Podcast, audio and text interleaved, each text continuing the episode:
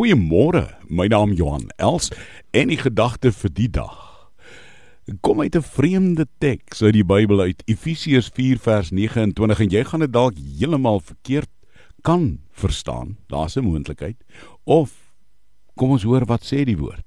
Laat daar geen vuil woord uit julle mond uitgaan, maar net 'n woord wat goed is vir die nodige stigting, sodat dit genade kan gee aan die wat dit hoor. Efesiërs 4 vers 29. En dadelik dink 'n mens natuurlik nou aan vloekwoorde en sulke dinge. Maar Paulus sê hier 'n baie ander anderlike soorte ding.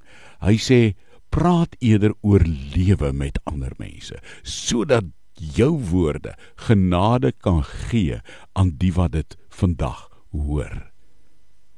En hierdie teks wil niks anders sê as dat ander mense verdien ook my seënwense en my uh mooi woorde. Moenie lelik praat. Moenie leuns praat wanneer jy met ander mense vandag praat. Hæ? Huh? Sodat die genade oor hulle in oorvloed kan kom. Die mense wat jou woorde vandag gaan hoor.